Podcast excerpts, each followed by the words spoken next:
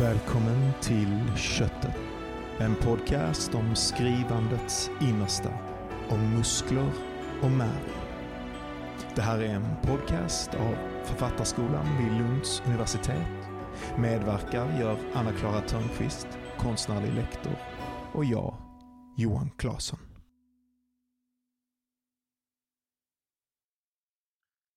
Hej och välkomna till veckans avsnitt av Köttet. Eh, på grund av lite tekniska problem så har de första minuterna av det här avsnittet gått förlorat. Ehm, jag vet inte riktigt varför det händer. Det hände ju i första avsnittet också. Jag har förlorat lite här och där, men jag får väl försöka eh, att eh, bryta med min comfort zone och leta tekniska lösningar på nätet och se om det finns någon uppdatering eller sådär som jag kan fixa. Eh, det som gick förlorat den här veckan det var bara den här presentationen utav gästen i början. Eh, så jag tänkte att jag kör den så här. Den här veckan har vi Lina Arvidsson med oss. Lina är författare, poet och skrivpedagog. Hon debuterade 2012 med barn och ungdomsromanen Det borde finnas regler. Två år senare hittade hon på alter egot Ariel Held under vars namn Vertigo publicerade Säg aldrig det här till någon. Då hade Lina bytt genre till erotik. 2020 skrev hon novellsamlingen Aldrig ensam och utforskade där sin version av skräck. Och året därpå kom vänligen Bygg inga berg, betraktelser från kassan.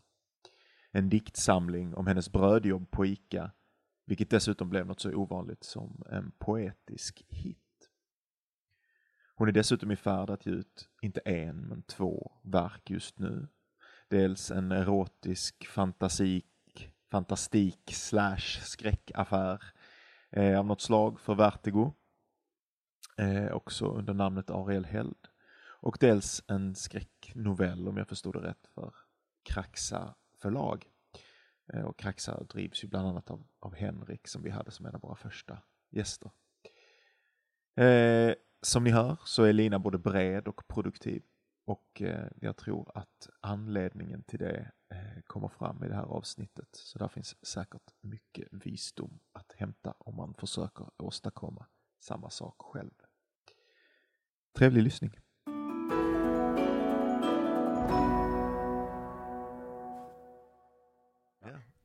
Eh, är det någonting mer som du eh, tycker att jag har missat där i en sån här introduktionspresentation som du skulle vilja säga? Nej, det är väl liksom, jag hoppar mellan olika genrer. Det är mm. väl min grej. Det är ju din eh, grej. Egentligen tycker jag liksom att det borde vara alla författares grej. Okay. För att jag ser författandet som ett konstnärligt yrke ju. Mm. Mm. Och eh, det här med genrer tänker jag ganska mycket är en effekt av förlagen, inte så mycket av författaren egentligen. Okay. Mm. Så jag tror ju att väldigt många författare innerst inne vill hoppa mer mellan genrer. Eh, sen gör jag det och då blir det att man också får hoppa mellan olika förlag. Så det, jag fattar att man vill hålla sig till en och samma för det blir ju en trygghet rent Just det. Men skulle det, det, vi måste ju snart utsätta dig för vårt eh, inledande test, men skulle det också, är det också en skrivpedagogisk utgångspunkt för dig? Att, liksom, att alla ska prova olika genrer och att man har olika skrivande i sig? Nej, inte medvetet. Alltså, nu senaste åren så har jag ju mest hållit eh, skrivpedagogik i egen regi. Att jag, jag tar emot eh, klienter som har skrivit ett skönlitterärt manus mm. av olika slag. Och där har det varit blandat, men det är, ingen, inget, eh, det är en slump. Liksom. Mm. Eh, men när jag har hållit kursverksamhet, visserligen så höll jag kurs i att skriva erotik vid något tillfälle på distans och då eh, fick man testa lite olika genrer i någon övning där. Mm. Men det var mest för att jag tyckte att det var kul. Mm. Eh, och att alltså inom erotik finns det olika undergenrer. Mm. Nu fick vi en sån otroligt fin övergång från köttet Från erotiken till köttet, eller det är liksom same same? Ja, ja, möjligen. Kanske. Det är det vi ska ta vi reda se på. vad Ja. Lina säger. Det här, så här får man, man absolut inte fått göra i en riktig uh, Rorschach-situation, att man uh, pre- pre- predisposar uh, patienten. Liksom. Men, ja, eh, Ser du något till- sexuellt på den här ja, bilden? ja, ja, precis. Ja. Eh, det, I vilket fall som helst. Eh, Johan och komma av sig. Ja. ja förlåt. Du har ju lyssnat på en del avsnitt som du sa innan, så du vet ju vad som gäller. Ja. Vi brukar köra det här Rorschach-testet. Köttet, lite ovanligt namn för en skrivarpodd. Vad får du dig att tänka på? Men ett väldigt bra namn tycker jag. Ja, tack så mycket. Eh, ja, men det, vad får det mig att tänka på? Ehm, jag tänker att skrivandet är väl rätt så köttigt. Alltså om jag, om jag tänker på det projektet jag håller på med nu, som ju inte är erotik då, men eh, som har liksom vidgat ut sig väldigt mycket från hur det var från början, så tänker jag på köttet som kanske text, den här mängden text som man måste producera. Mm. Eh, och så vet man liksom inte, man måste skriva det fast man vet att det kanske kommer att tas bort sen. Och, alltså brödtexten kanske då, Mm. eller så här, ehm, utforskandet typ. Mm. Eh, Och det är ju verkligen roligt att du säger brödtexten och att det är din ingång. För du är ju verkligen en brödtextproducerare. Så det är alltid någonting, det har vi sagt innan, liksom, det är verkligen någonting som kommer fram. Ehm, för du är ju, jag följer dig på Instagram och eh, jag har ju träffat dig ett antal gånger sådär. Och du är ju verkligen en, eh, en workhorse författare. och förra gången vi, eller jag vet inte om det var förra gången vi sågs, men då när vi sågs på Grand Ja, så var jag ju helt uppe i ett eh, nytt projekt ja. som jag bara babblade hur mycket som helst om för dig som då inte alls känner mig. Alltså det var ju jättekonstigt. Men jag blir liksom så. Jag bara tror att alla vill veta allting och jag kan inte hejda mig. Typ. Det bara, ja. Var kommer det ifrån? För du från liksom en genuin, eh, du har en genuin passion för eh, ja, det är att jag tycker att det är så jäkla roligt och att jag är så inne i det. Ja, ja visst. Eh, och på något sätt, ja men du håller ju också på med skrivande så vi pratade väl om det. Liksom. Mm. Det var inte helt Mm. taget out of the blue. men, men jag kan känna sen i efterhand bara, okej jag går lite för mycket in i Men jag tycker det är intressant för det finns ju väldigt många författare som är totalt det motsatta. Så att, nej, jag vill inte prata om det här nu. Eh, det är i process, jag kanske förstör någonting. Men du är inte så i någon fas, eller? Jag borde kanske vara det. Nej, nej jag bara tycker det är intressant. Nej men jag är det nog i vissa faser. Mm. Ehm, Vilka faser är det då? Då är det kanske ja, men färdigställande fasen. Mm. Typ, ehm, nu har vi redigerat min erotiska roman det gångna året. Mm. Rätt så mycket i somras höll vi på med det och lite i höstas. Och då kanske jag inte pratar jättemycket om, då är jag nog mer hemlighetsfull. Mm. För då är det typ, så här kommer texten att bli liksom. Mm. Det är också en mindre lust, lustfylld Ah. eh, del av processen för mig. Ehm, Redigeringen. Ja, alltså jag ska inte säga att den, är he- att den är tråkig, för det är den inte. Och man jobbar ju oftast, i den slutgiltiga så jobbar man ju med en redaktör. Och då är det väldigt skönt att ha någon som, man är inte själv med texten liksom. Mm. Eh, men eh, då, jag kan vara ganska rastlös då och tycka, men är vi inte klara snart liksom? Mm. Mm. Eh, och eh, ja, men det är ju det här gnetet liksom som man putsandet och samtidigt som jag också är perfektionist liksom och Mm.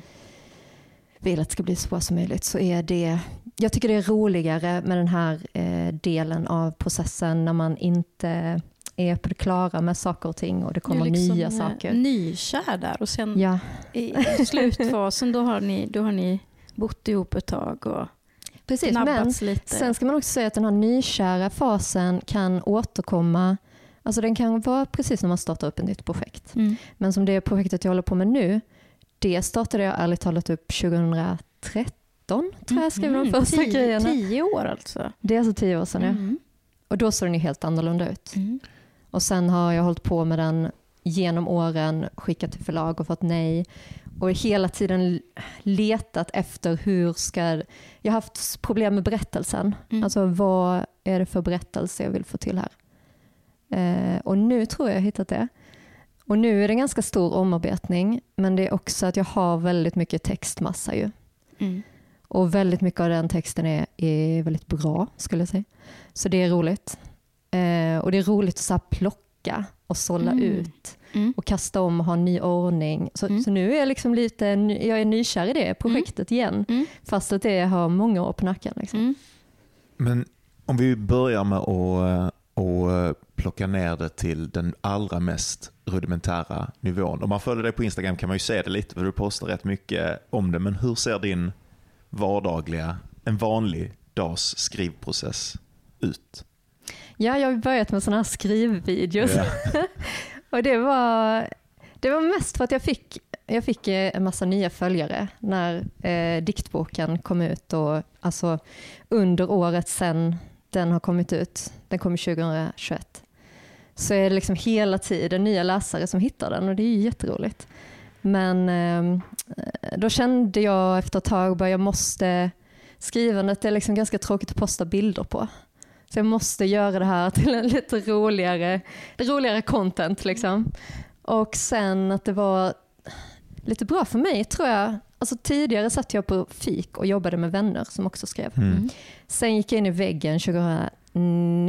Var det Mm. väl? Och sen dess egentligen, och så kom pandemin och allt Mm. det här. Men, men också, jag kan inte längre sitta i, i sorl och skriva. Eh, det blir liksom för jobbigt. Mm. Jag vill ha ganska tyst. Mm. Liksom. Så jag sitter hemma och jobbar och det blir ganska ensamt. Och så märkte jag att i, jag kör eh, pomodoro-metoden heter det va? Eh, Man sätter en klocka på 25 minuter och sen har man en paus på 5 eller 10 minuter. Och så I den här pausen så går jag ofta runt i lägenheten och pratar för mig själv Mm. om projektet. Mm. Eller går ut på balkongen. Eh, Och de snacken kom jag på kan vara kul för andra Ja. att ta del av. Ja. Så nej men det ser ut, en vanlig arbetsdag eh, ser ut att jag, eh, jag lever ju så lyxigt liv nu. Jag går upp när jag vaknar, vilket i och för sig brukar vara vid ja, 8-9 tiden typ. Ibland så ställer jag en klocka på en halvtimme eller en timme framåt och ligger och läser det första jag gör. Mm. Just nu Anna Karenina. Oh. Och man måste liksom läsa eh, återkommande Mm. i en så tjock Ja, det bok. går inte att... Nej, jag förstår. Annars så blir det aldrig klart. Men sen har jag lite frukost med Babel eller SVT Play någonting liksom. Och sen sätter jag mig och jobbar och då har klockan ofta blivit kanske ja men halv tio, tio faktiskt. Mm. Det är väl, jag läste faktiskt att Margaret Atwood börjar klockan tio så det kändes okej. Ja, då. vad skönt. Ja. Ja. Annars är det ofta bara man ska behöva sju. Eller jag. fem. Ja, eller fem. Ja, det är vidrigt. Vidrigt. Man vill inte ens vara uppe då om man inte måste. absolut. Nej, men så sitter jag och ställer ofta klockan sådär för att jag annars är dålig på att ta pauser. Mm. Eh, och då blir jag liksom, om jag tar för lite pauser så blir jag väldigt trött efteråt. Eh, och det kan liksom slå tillbaka typ dagen efteråt, att man blir, att det blir en trött dag som går bort då. Men också för att jag blir ju stel i kroppen. alltså, ja. Nacken och sånt där. Liksom. Måste du göra någonting Måste du göra någonting särskilt för att komma in i det här läget där du kan skriva? Eller har du hållit på med det så mycket nu att du automatiskt du sätter dig vid ditt, din skrivstation och så är du där? Ja, alltså jag har ju att, alltså om jag ska sitta vid datorn och jobba, det är lite olika. Eh, men det gör jag om jag sitter och skriver. Om jag skriver nytt eller redigerar eller så, då sitter jag vid, vid skrivbordet. Eh, så det är arbetsstationen liksom, så att man skiljer på när jag är i soffan och Mm. sängen så är jag ledig. Liksom. Mm. Klokt. Ja, och eh, nej men jag har nog en egentligen ganska kort startsträcka. Startsträckan är egentligen från frukosten liksom, fram tills att jag sätter mig vid skrivbordet. Det är startsträckan.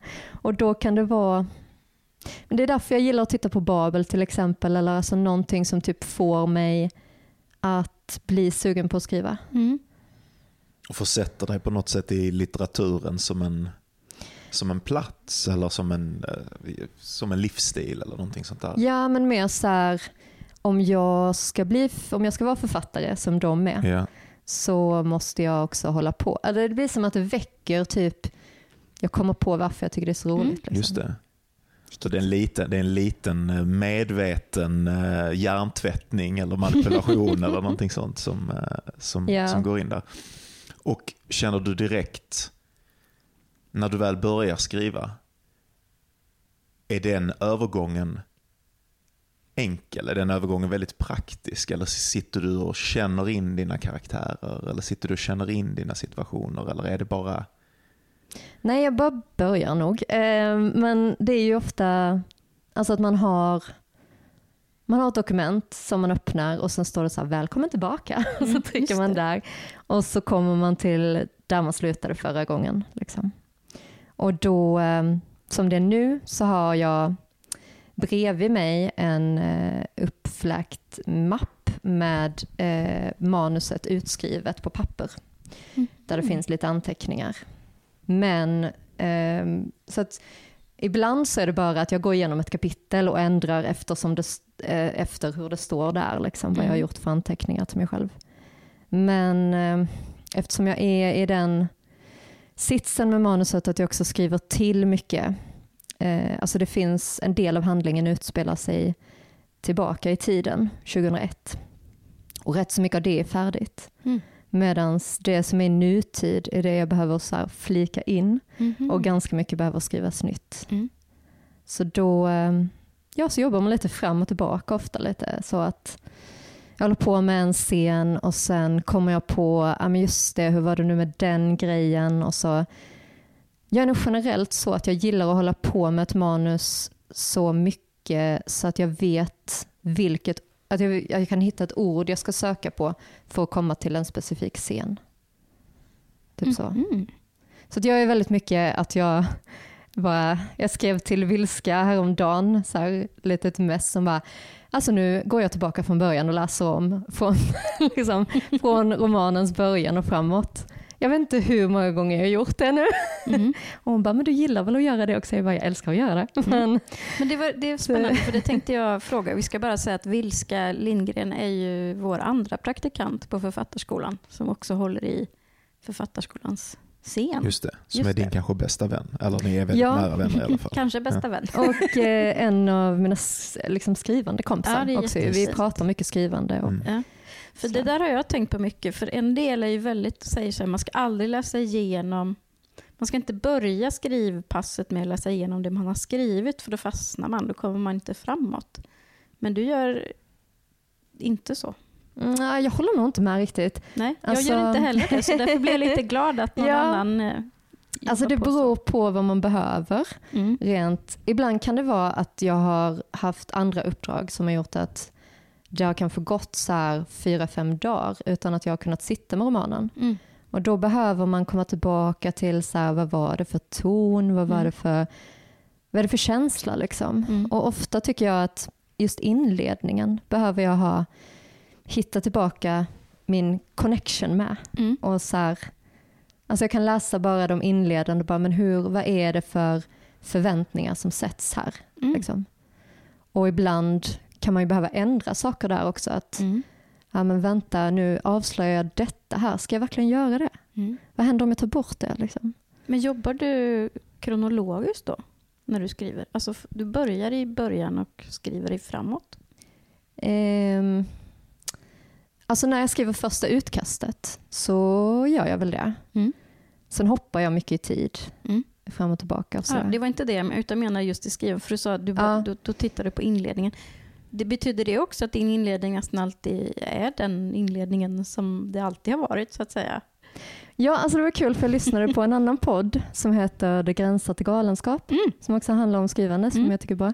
Och då hade de ett avsnitt som handlade om slutet och så lyssnade jag på det först för jag tänkte att jag har, jag har lite bryderier kring slutet just nu. Jag vet inte hur det ska sluta exakt och tänkte jag kan få lite inspiration. Mm.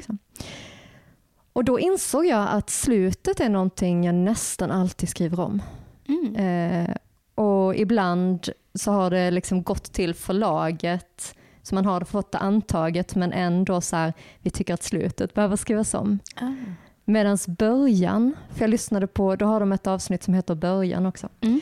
Eh, och så lyssnade jag på det och kände tvärtom där.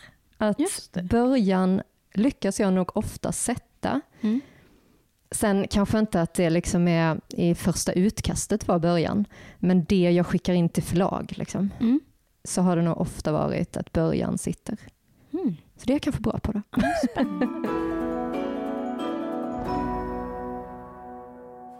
Nej, men jag tänker så här, för att du var lite inne på det eh, med att du läser dig in i, i toner. Någonting du och jag pratade om innan här, det var att för mig, jag kan inte göra andra grejer än mitt huvudprojekt därför att allting drar in mig i de frågorna, i den estetiken, i det, det som är mitt huvudprojekt. Medan du ju då men du skriver en bit på ett projekt och så lägger du undan det och så hoppar du till någonting annat och sådär.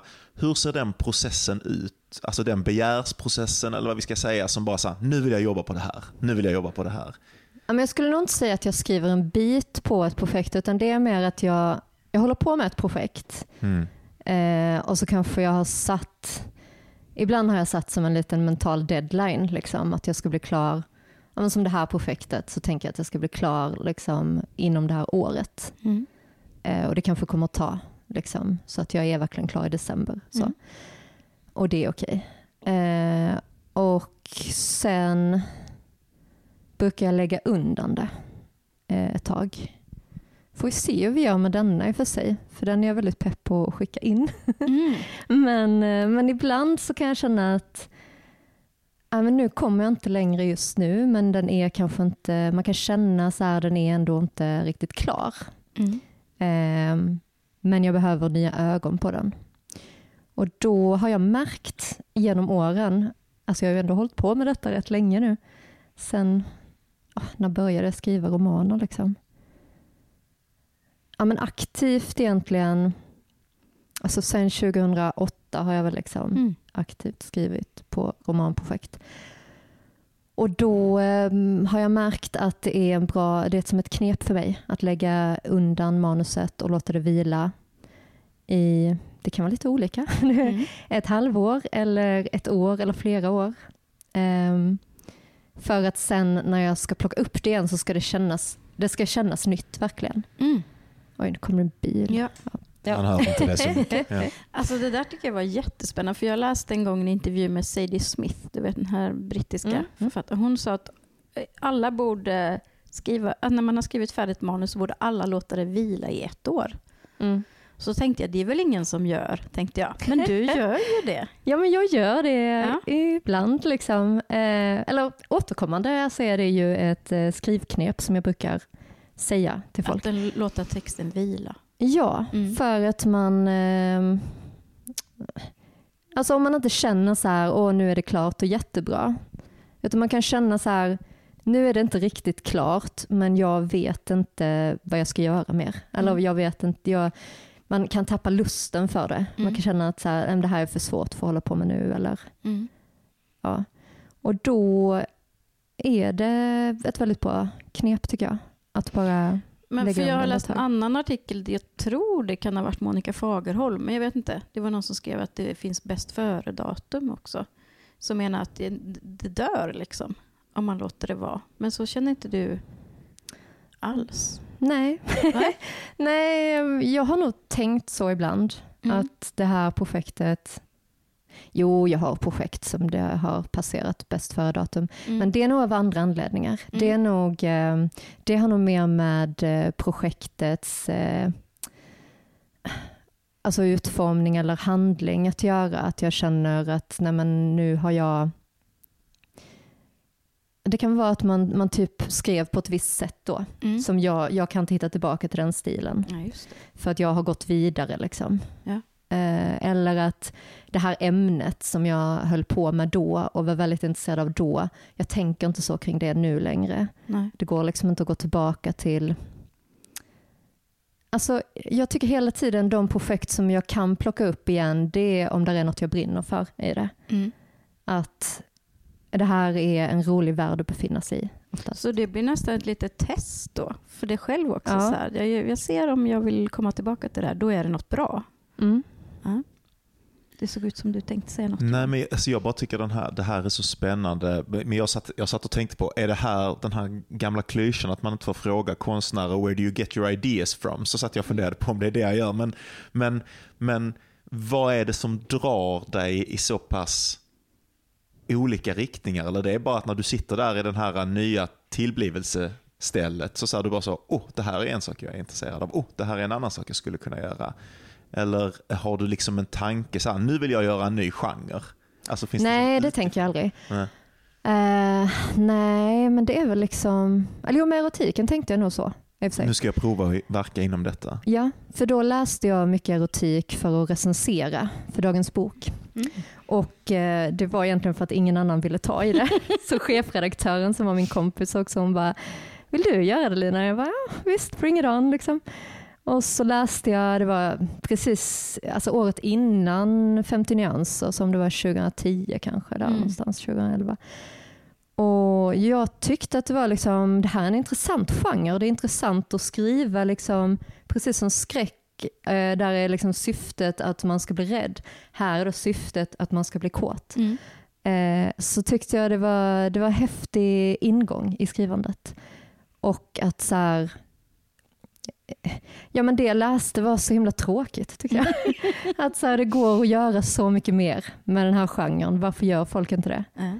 Så det Mm. finns en nästan, det finns en tävlingsaspekt. Ja men där var det så här väldigt självgott eh, konstaterande att jag bara, jag tror att jag kan göra detta bättre. Jag vet hur man går in i kåtheten bättre än de här jävla nollorna. Alltså. Nej, men det handlade om allt från så här ämnesval till så här eh, språket, mycket Mm. språket. Att jag tänkte, det verkar som att alla skriver så dåligt inom Mm. den här genren. Måste Mm. man göra det? Ja, är det är det liksom... spännande. Och så tänkte jag, men det måste ju gå att skriva alltså, bra litteratur. Ja. Eh, rent språkligt bra litteratur som ändå inte väjer för hettan. Liksom. Ja. Och hur ser de första stegen i, för det, det, det börjar väl inte i hettan utan det börjar ju i, okej nu ska jag hitta premisserna för ett utforskande, någonting som kan leda mig in i det här Ja, men, som eh, suger. Liksom. Ja, där har det nog mer börjat i att jag har tänkt eh, att jag vill skriva om något specifikt. Typ med Säg inte det här till någon som var min erotiska roman som kom Mm. 2014.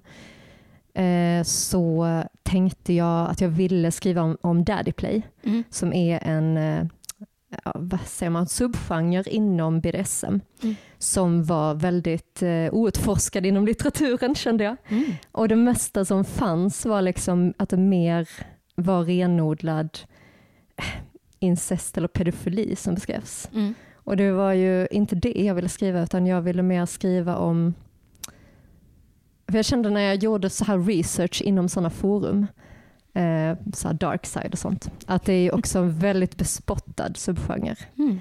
där folk tror att det är samma sak som, Mm. alltså att de som håller på med det kanske egentligen vill Mm. ägna sig åt pedofili eller så. Mm. Och det var samtidigt som det här eh, mangafallet, den här killen som Just det. blev dömd för, eller han blev dömd och sen friad i hovrätten tror jag. Jag kommer inte ihåg. Nej men jag tror han blev friad till slut men han hade i sin dator tecknade bilder eh, som föreställde då sexuella situationer med barn. Men det var Mm. tecknade bilder. Ja. Och att man liksom, jag blir så upprörd över detta. Att man inte kan se skillnaden på fantasi och Mm. verklighet. Det är en Mm. jätteviktig diskussion. Liksom. Mm. Mm. Så det var lite det som var utgångspunkten där. Och sen den jag hållit på med som ska komma ut nu snart faktiskt, i maj är det sagt. Mm. Eh, blötdjur, där var det kanske mer ehm, Ja men där har jag mer funderat fram en berättelse i, på förhand Mm. Okej. än vad jag har gjort tidigare i det jag har skrivit. Alltså innan min eh, liksom skrivande process är annars väldigt mycket att jag inte vet vad som ska hända. Mm. Mm. Utan jag bara börjar skriva så får man lite, jag vet lite grann såklart, Mm. men eh, här hade jag verkligen funderat ut under flera års tid Mm. och så har planerat det här ska vara med och det här ska... Och du klarar av då att, för det här är en sån sak som jag tänker att många tänker att man kan göra som skrivande människa men som väldigt många fler har svårt att delivera på. Mm. Eller att mm. leverera på. Alltså att sätta sig ett ramverk. Det här är min berättelse, nu ska jag bara fylla den med text. Liksom. Men du kände att det gick att vara i det och fortfarande känna.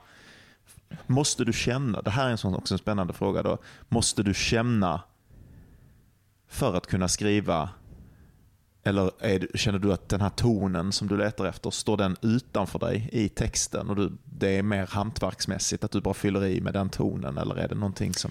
Nej men alltså, så, så noga var det nog inte planerat. Alltså, det var mer så här, jag vill ha med en förtrollad skog till exempel. Eller jag vill ha med eh, att eh, det ska vara en del som utspelar sig i den och en del som utspelar sig i stan. Och så kan man varva dem kanske. Och, ja, men vissa så här premisser som jag visste bara det här vill jag slänga in. Men sen är det ju jättemycket som kommer när man väl börjar skriva. Men här var det också att jag visste att jag ville inte börja skriva än. Alltså de här eh, idéerna hade jag nog redan när den första boken kom ut och jag fick rätt så mycket fans på den. Liksom. Mm. Alltså folk som hörde av sig och bara tyckte om den och ja, ville ha fler böcker liksom, från Ariel Held och sånt. Mm. Medan jag kände, ja, både pepp och ja, men jag vill skriva annat som mm. Lina Arvidsson först. Liksom. Mm. Och sen dröjde det ju jättemånga år innan jag mm. fick ge ut nästa. Det var ju inte meningen, det var ju förlagens fel så att säga. Eller jag som inte var tillräckligt bra. Men eh, ja, refuseringar helt mm, enkelt. Mm, mm.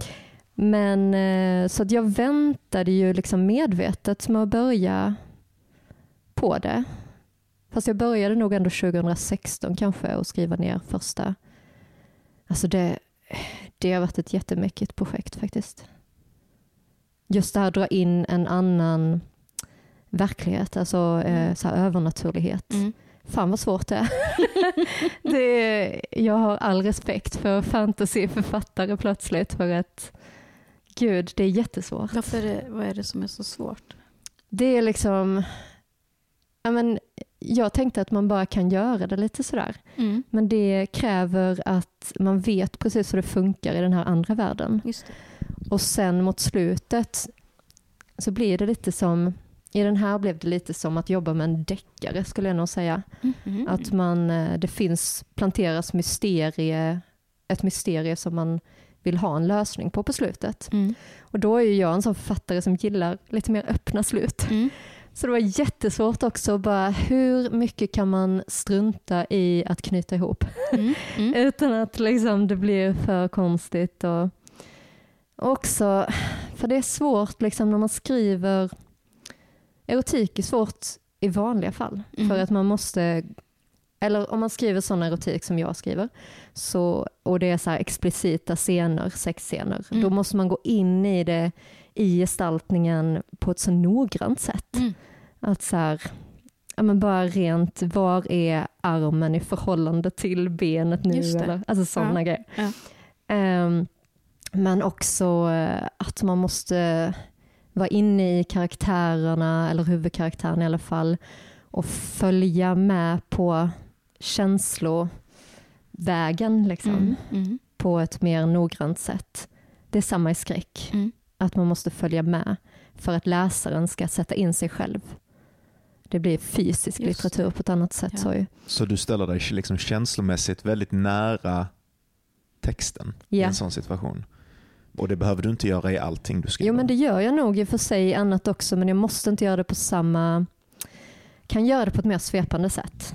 Um, i, men när det gäller just skräck och erotik så måste man vara... Men när du säger att... Oh ja, förlåt när du sa att det är svårt, den svårighetsgraden, kommer den från att det kräver ett ökat fokus, alltså en ökad ansträngning i fokus, eller vad vi ska säga, från eh, att ha koll på både kroppsdelarna och att vara i känslorna?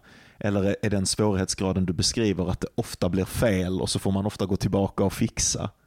Nej, men alltså om man jämför eh, en bok och en film så i en film så ser du ju detta. Liksom. Och i en bok där har du bara orden, eller bara, men du har orden som du kan. Eh, Och då på sätt och vis är det liksom bättre för att man kan få in alla sinnena på ett annat sätt. Men så är det också den här noggrannheten, liksom att beskriva någonting så att läsaren verkligen är där och ser det framför sig. Och Jag tycker hela tiden det är en jättesvår balansgång. För att man vill inte skriva för mycket heller. Alltså, Nej, jag tänker att du sa att du hade någon språklig ambition också. Ju. ja, exakt. Ja. Och då blir det liksom lätt platt Mm. om man är för för liksom inne i, och, och det som var svårt då med när man har övernaturliga element, Mm.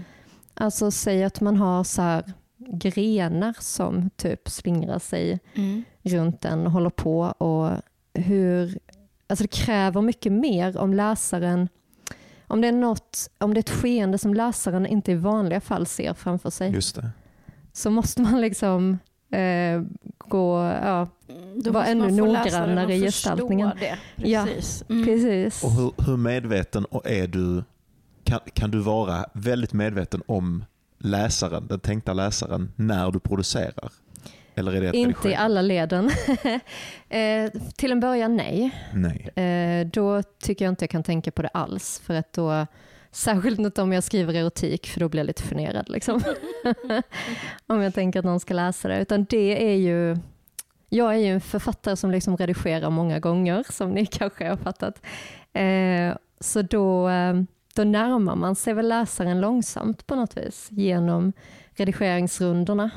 Eh, och mot slutet så har jag absolut en läsare tydligt framför mig. Och det är en kul grej i, alltså det jag pratade om innan, att jag inte tycker att den sista slutredigeringen är så rolig. Det som är roligt dock i den, eh, och som jag upptäckte i förra veckan med den här skräcknovellen som ska komma ut på Kraxa, det, det var slutredigering på den då. Och den, eh, då ser man plötsligt grejer som man inte har sett innan. Mm. Alltså, det är som att man lyfter från texten på något vis och kan hitta så här, ja men typ faktafel liksom, eller typ Mm. så här klafffel eller vad man ska säga. Mm. Eh, som att jag nämner på ett ställe att det är på ett sätt och sen på ett annat så är det på ett annat sätt. Mm. Alltså grejer som har följt med då hela tiden, först av någon anledning har man inte sett de här sakerna. Mm. Och det är ju både lite läskigt och väldigt skönt. Mm. Eh, och då tänker jag att jag är otroligt medveten om läsaren i Mm. den delen av processen. Ja, du, går in, du byter roll nästan kanske? Alltså, Ja. Att du, ja. Men det är spännande för jag tänker att det här är någonting, ja, det har, jag, har ingen, jag har ingen färdigformulerad fråga så man kan antingen göra någonting med detta eller inte. Det kan, det kan vara upp till dig. Liksom så här. Men det finns ju någonting, jag tänker eftersom du är intresserad av frågor om så här både censur och fantasi och skriva nära känslan och sådär. Det är ju någonting att, att eh, det finns ju någonting där med att låta sig själv eller tvinga sig själv att glömma läsaren i tillblivelsen för att det som man ska göra ska bli autentiskt och sen så måste man förhålla sig i steg till vad, Ja. vad skulle det vara för en sån som mig att släppa ut det här i allmänheten. Liksom. En- att- Ja, och Det beror ju på hur tabubelagd fantasi man har antar jag, men det kan men, jag kan gissa att folk i allmänhet tänker att det måste ju vara erotiken som är jobbigast för henne. Så här. Eh, men faktiskt så det projektet jag håller på med nu så tycker jag att det lossnade lite när jag började tänka skit i mamma och pappa nu. Just det. Just det. För där handlar det om en tjej, eller det handlar om en kvinna som i nutid är i 40-årsåldern, som jag. Eh, och i dåtiden är 19. Och i, när man är 19 så är ens föräldrar ändå fortfarande en ganska stor del av Mm. ens liv. Så de kom ju in på olika sätt. Och eh, där märkte jag någon sorts självcensur som jag hade hållit på med. Där jag var liksom lite för rädd för att skriva saker som de kunde ta, alltså mina föräldrar kunde Mm. ta som kritik eller illa upp av. Och då när jag såg det så kom jag på att exakt så här var det ju med Det borde finnas regler också. Mm. Eh, och det är en ungdomsbok så där är det hela tiden att de, eh, föräldrarna är närvarande. Mm.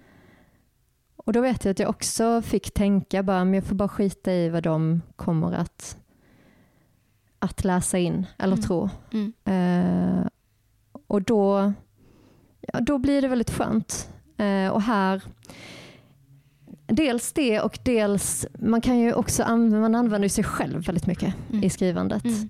I, oavsett om man skriver erotik eller annat. Ja, liksom. ja. Eh, och eh, att, att på något sätt påminna sig själv om att de sakerna jag skriver som känns så otroligt nakna, och det kan vara vad som helst. Liksom. Det kan vara minsta lilla fundering man haft som man märker så här, det här kan jag flika in här.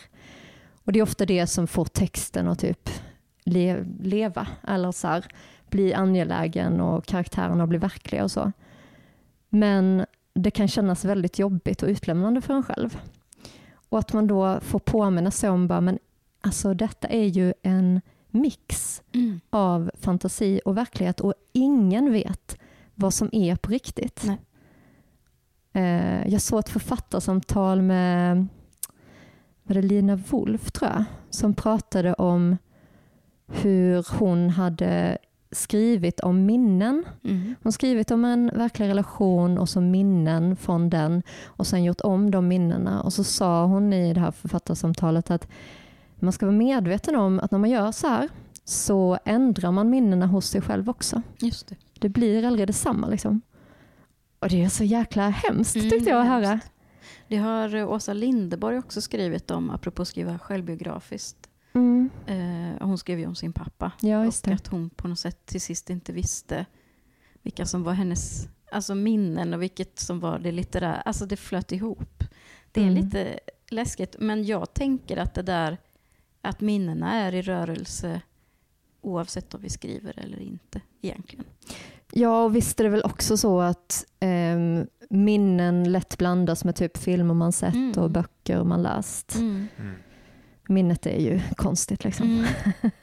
Ja, precis. Det finns ju någon slags gömd fråga där om det finns så här ett autentiskt minne värt att bevara. Liksom, eller sådär. Men, Ja. men det, är, det är kanske utanför den här, den här poddens diskussionsområden. Jag tänker bara, ehm, vad... För nu säger du så här, du, du var tvungen att motstå det här mot dina föräldrar. Finns det någonting som du skulle bromsa? Om du kände, du behöver inte ta exempel, men skulle du någonsin bromsa en riktning som du känner att skrivandet håller på att ta för att du skulle tänka att det här kan jag inte stå för? Eller någonting sånt där. Ja men det har hänt flera gånger att, att, eh, att jag har varit i de funderingarna. Liksom. Eh, och sen är det lite olika hur man löser det. Men eh, alltså den här boken löste jag det på ett ganska roligt sätt med att jag tog livet av den ena föräldern. Båda mina föräldrar lever då. Eh, och Så det liksom kan vara rätt bra en grej. att bara, då vet man så här när folk läser det, bara, just det, detta har hon ju hittat på. Liksom. Och, Mm. men alltså jag tror att läsaren förstår inte hur mycket av sig själv som man lägger i texten. Eller tvärtom, hur mycket man hittar på. Mm. Ehm, jag tyckte det där lossnade eh, en bit in i skrivandet för mig. Alltså, jag har ju gått många skrivarutbildningar och så. Ehm, och det var liksom, det tog ett tag innan jag fattade just att det, allting är en blandning. Ja. Alltså även skönlitterära, eller även självbiografiska böcker är en blandning. Mm. Så är det ju. Och jag tycker ibland vet man inte själv skillnaden. Alltså ibland upptäcker man ju saker genom skrivandet som man inte visste. Så då är det på något sätt självbiografiskt sant fast man trodde att man hittade på någonting. För, äh, förstår ni vad jag menar Det är med det? nästan dess motor Mm. eller? Det är väl nästan därför man skriver eller? Det är väl en Ja, initial ja. grej så här att man vill, man vill förstå vad man tycker om de Ja, sakerna man inte inte förstår. för alla tror Nej, jag. kanske inte. Eller? Är det en drivkraft för dig? Att förstå? Nej, det är inte drivkraft, men jag tycker det är roligt när det händer. Mm. Mm. För det händer då och då att Mm. man skriver någonting som bara, haha, tycker jag så? Ja. Ja, det tycker jag. Eller, det här har lärt mig detta. Liksom. Det. Eh, Vad skulle du säga är din drivkraft då? oj, att jag bara tycker det är så roligt tror jag. Mm. Att eh, jag tycker om att vara i andra världar. Det, det verkar från, från som vi har pratat om som har den här glädjen, det verkar vara det lättaste sättet att garantera att man ska jobba riktigt mycket. Det är så här att man bara Ja. tycker att det är så jävla härligt. Ja, det är sant Ta faktiskt. bort ett hinder som, vi, som Ja. somliga har. Liksom. Mm. Nej, men jag pluggade ju till skådespelerska. En konstig betoning det blev, skådespelerska. eh, innan jag kom på Men jag hade ju alltid skrivandet när jag var liten och sådär skrev Mm. jag ju också böcker för mig själv och så. Men, eh, men inriktade mig på teater under en tid av livet och tänkte att det var lite samma grej. Mm. Fast eh, skillnaden är ju att man det, där är man ett, en del av processen. Man, är liksom, man är ofta ett redskap för någon annans berättelse. Och när jag tröttnade på det, eh, när jag gick på en teaterskola i Stockholm, eh, som inte var bra av många anledningar, men eh, då kände jag att jag vill, jag vill nog bestämma allting själv. Liksom. Mm. Ehm, och där är ändå författaryrket svårslagbart Visst. tycker jag. Just att man så här, dels bestämmer berättelsen, eh, sen kan redaktörer komma in och, och ändra och vilja att man ska ändra saker och så, men, men ändå i första steget. Att man bestämmer berättelsen, man skriver fram karaktärerna, man är i alla karaktärerna som en skådespelare ungefär. Eh, man skriver fram också doft och alltså alla andra sinnen och sådär. Och man kan leka med språket, eh, vilket jag ju redan från början tyckte var roligt. Så att det är både... Alltså jag vet ju att när jag har pratat om innan, bara ser du bilder eller ser du språk? Mm. Alltså det är ju båda för mig, Mm. skulle jag säga. Mm. Jag är absolut scendriven, typ. Att Mm. jag, jag tänker i scener när jag Mm. skriver. Just det, spännande. Ja. men, men det är också, språket är också superviktigt för mig och typ en av grejerna jag går igång på. Liksom. Mm. Tror du det Eh. kommer från ditt teater, eh, alltså att det är din initialingång? Liksom, att, Med scener? eh, Att, att det är så det uttrycker sig för dig även internt? Liksom. Att det inte bara är ett organisatoriskt verktyg? Ja, kanske. Alltså, jag upplever det som att, jag läser ju mycket, men jag upplever det som att mycket av min inspiration också kommer från filmer som jag sett. Eh, Men du har aldrig tänkt dig att skriva dramatik? Eller? jag har testat skriva filmmanus, Ja. så vi får se om det blir något av i Ja. någon gång. Ja. Ehm, ja, nej men ehm, jag tänker att ju, jag är bra på att skriva repliker liksom generellt. Ehm, och det är kul. Det var kul att försöka skriva ett filmmanus också. Mm.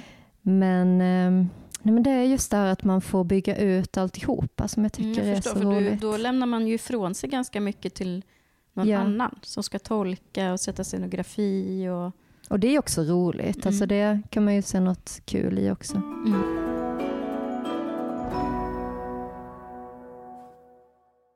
Vi pratade här i pausen om eh, men just det här att titta på eh, Babel eller titta på andra grejer. Att få upp eh, mer smaken eller suget eller den blodade tanden för att skriva. Och du nämnde det här att många drar sig Mm. för att, för att eh, börja. Liksom.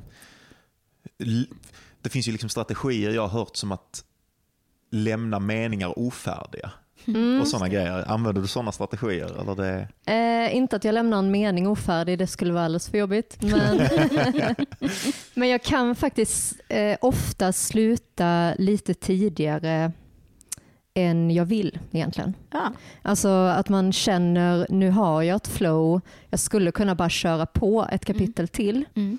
men eh, det kan vara bäst att sluta nu ändå. Mm. Så att man, det är också ett så här knep för att man ska längta tillbaka. Du verkar ha många sådana, det här med att lägga manuset åt sidan. Alltså, Ja. Är sådana som, Jo, men det har jag. det är någon sorts metod nästan. Ja, det, handl- det handlar väl om att bolla med sina egna begär. Liksom. Jag tänker att du Mm. gör det liksom undermedvetet, eller du är så medveten om att men du har de här olika begärstrukturerna, du har olika sockerbitar som fungerar för dig och sen så jonglerar du på det. Ja men för det är ju, alltså, jag ser ändå på skrivandet lite som ett beroende. eh, som man så här underhåller liksom och man måste hela tiden tillbaka till och så här inte kan släppa. Men man kan ju också se det på ett lite nyttigare sätt. Mm. Eh, som eh, när man försöker få in motion i sin vardag. Alltså till exempel så går jag promenad nästan varje dag. Mm. Och det, jag saknar det om jag inte har det och Mm. typ ehm, det blir som ett positivt beroende Mm. eh, och som eh, jag gillar nog rutiner väldigt mycket Mm. och bara att ha någonting som nu är det så för att det bara ska vara så. Liksom. Eh, ja, men saker som man saknar om man inte gör det. Och som man därför man, man jobbar in det till att bli något återkommande. Alltså, jag gör samma sak med diskning kommer jag på nu. Eh, du låter den vänta ett halvår och sen... Jag tycker, nej inte ett halvår. Åh gud vad äckligt det skulle kunna bli. Ja. Nej men jag bygger upp till ett diskberg. Ja, och sen tar du tag i det? Sen tar jag tag i det och ja. då är det ofta så här, nu får du lyssna på en podd mm. samtidigt eller mm. något så här, mm. ljudbok eller någonting. Mm. Eh, för att jag tycker det är så tråkigt att diska och då blir det som att man eh, är ju inte riktigt där om man lyssnar på någonting samtidigt. Nej. Det blir som en, man får en belöning samtidigt mm. som man gör det. Mm. Liksom. Och då har jag, eh, det är lite som de här hundarna, Pavlovs hundar. Just det. att man betingar saker och då bara kopplar jag ihop, ah, diska, men då får jag lyssna på podd. Då blir det så lite trevligt istället. Och hur, hur gör du det för att förstärka för att förstärka ditt skriv, din skrivrutin? Liksom? Vad har du för belöningar där? Nej men där är ju själva skrivandet belöningen. Ehm, men just eh, nej, men som att jag ser på någonting innan för att typ bygga upp ett sug tillräckligt mycket. Eh, för att det ska vara att man ska vilja stänga av mitt i ett inslag och bara nej men nu måste jag skriva. Liksom. Det är lite sådär erotik, alltså det är lite sådär hur man, jag läste någon intervju med han Kalle Norvald som är sexolog med Gift vid första ögonkastet. Ja, älskar hur honom. ja, med hur man bygger upp lust och hur man, alltså sådär. Det låter liksom som att du, du jobbar väldigt mycket på lusten till skrivandet. Och ja. Det är jättespännande tänker jag. För det är väldigt många som jobbar med lidandet, eller vad man ska säga. Ja. Alltså, så. Jag vet och det är så konstigt tycker jag. Um, för att... Det har alltid varit självklart för dig att det är så här. är det så? Ja, mm. eller liksom men jag, jag fattar det också, att man skriver utifrån lidande och den lidande konstnären och så vidare. Men jag kan tycka det blir så tramsigt om man benar ut det. Att bara, ja, jag skriver för att det är det enda jag kan göra. Bara, really? Mm. Mm. det finns jättemånga yrken du kan göra liksom, om du väl försöker. Alltså det är som sagt, eller som vi sa i pausen, jag vet inte om du sa det nu också, men att det är ingen som sitter och väntar på nästa bok egentligen. Det kommer ju ut tillräckligt mycket böcker för att ingen ska hinna, hinna läsa alla de här böckerna. Nej. Det läses jättelite, det finns inga så här indikationer för att man ska skriva mm. egentligen. Eh, Nej, det är en irrationell syssla. Man måste det hitta sin är helt irrationellt, ja. Någon annanstans. Men kan, du tappa, kan det någon gång vara trögt eller du tappar lusten? Eller liksom? Ja, alltså det, är, det är svårt ibland. Ja. Alltså, Vad är det som är svårt då? Um, ro ihop historierna är alltid svårt för mig. Mm. Det är en sån grej som... Alltså det är ju lustfyllt, men det sker ju väldigt mycket utanför skrivbordet. Mm. Att till exempel, man har skrivit färdigt för dagen, man går en promenad, då kommer det kanske mm. någon idé att ja, just det, det här har jag inte tänkt på, det här skulle man kunna utarbeta. Eller, och I en roman så är det ju så otroligt många sådana trådar. Mm. Och eh, det är ju lite, man kan känna att det är lite övermäktigt och jobbigt. Eh, och då kan jag många gånger tänka bara, men hur ska jag detta i land? Liksom? Mm. Um, och vad gör du då? För att... ja, men antingen så... Det är nog ofta att jag diskuterar med andra som skriver. Mm. Då kommer Vilska in till exempel, mm. eller Lisa, som Lisa Zetterdahl som också mm. är skrivarkompis, är någon annan. Uh, och så får de ventilera sina problem med mig så att ja. det blir lite jämnt. Men Sympatiskt. Så blir det ju ofta också faktiskt.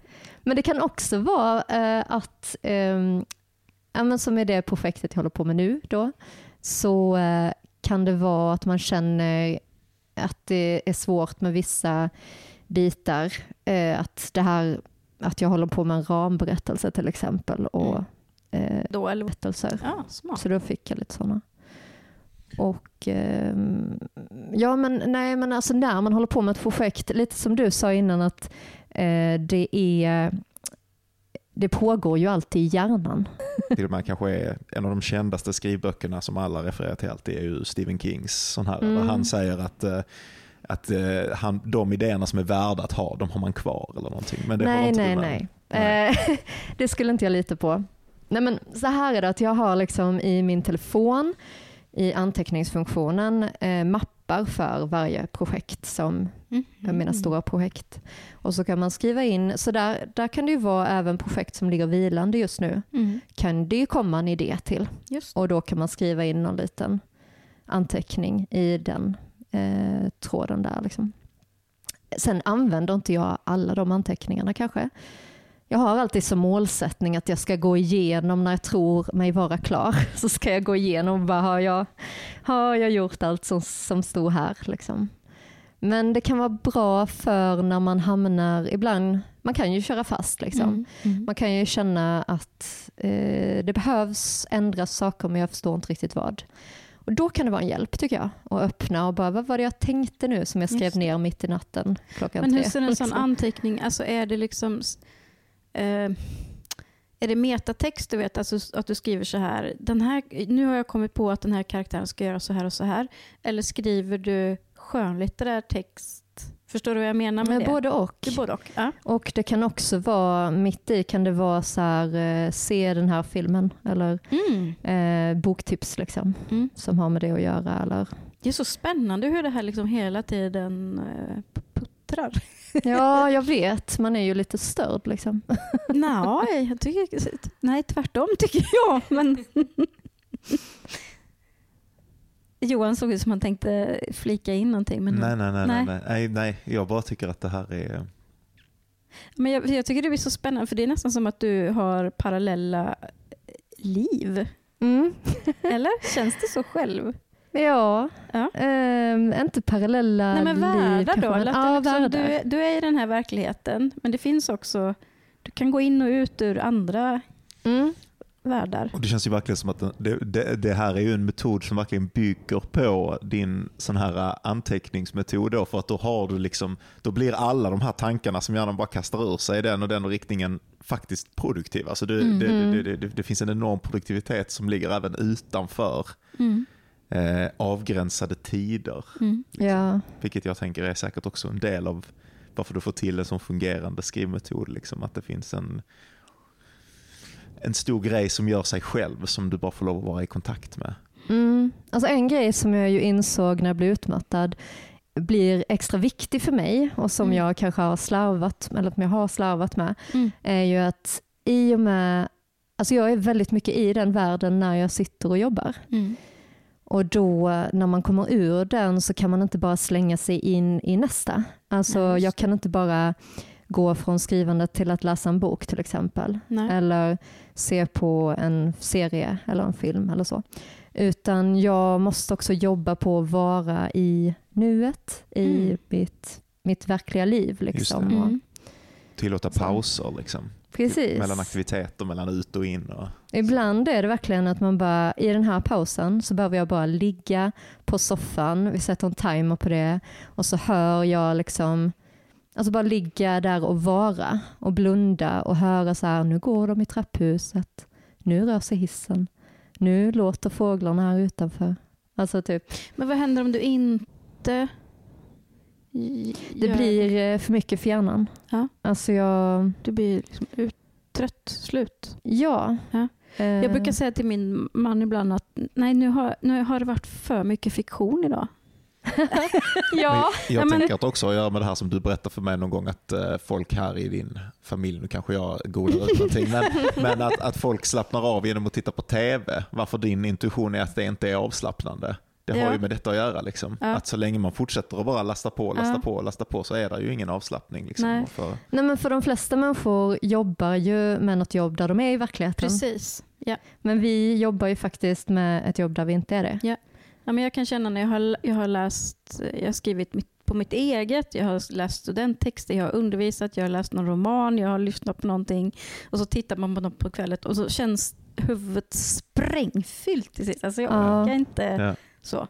Man kan inte ta in mer. Nej. Liksom. och då är det fint Mm. att ha soffan och Mm. folk i trappen. Mm. Och, Ja, eller bara en människa som man pratar med. ja, just det. Just det. Eh, mm, Prata med eller inte prata med kanske. exakt. Nice. Mm. Mm. Jag tror att det kändes som ett ganska naturligt fint avslut. Va? Mm. Vi har- Och var fiktionsfylld. Det tror jag du verkligen Det, har det, det, var liksom det visat hur ja. det är. Det är Mm. jättespännande att få tipsa alla att ta del av alla dina olika Ja, texter och ja. genrer. Mästare på metod låter det Mm. verkligen som också. Så Mm. att det, är- Ja, men tackar. Ja. Mm. nu ska vi inte smickra för mycket, han kan verkligen spåra Nej, ur. ja, men, vi, men vi ska rikta ett varmt tack i alla fall. Det har varit jättefint. Ja, men tack själva. Tack det var ett jättekul samtal, Ja. tycker jag. Tack så mycket för att du kom hit och tack alla som har lyssnat.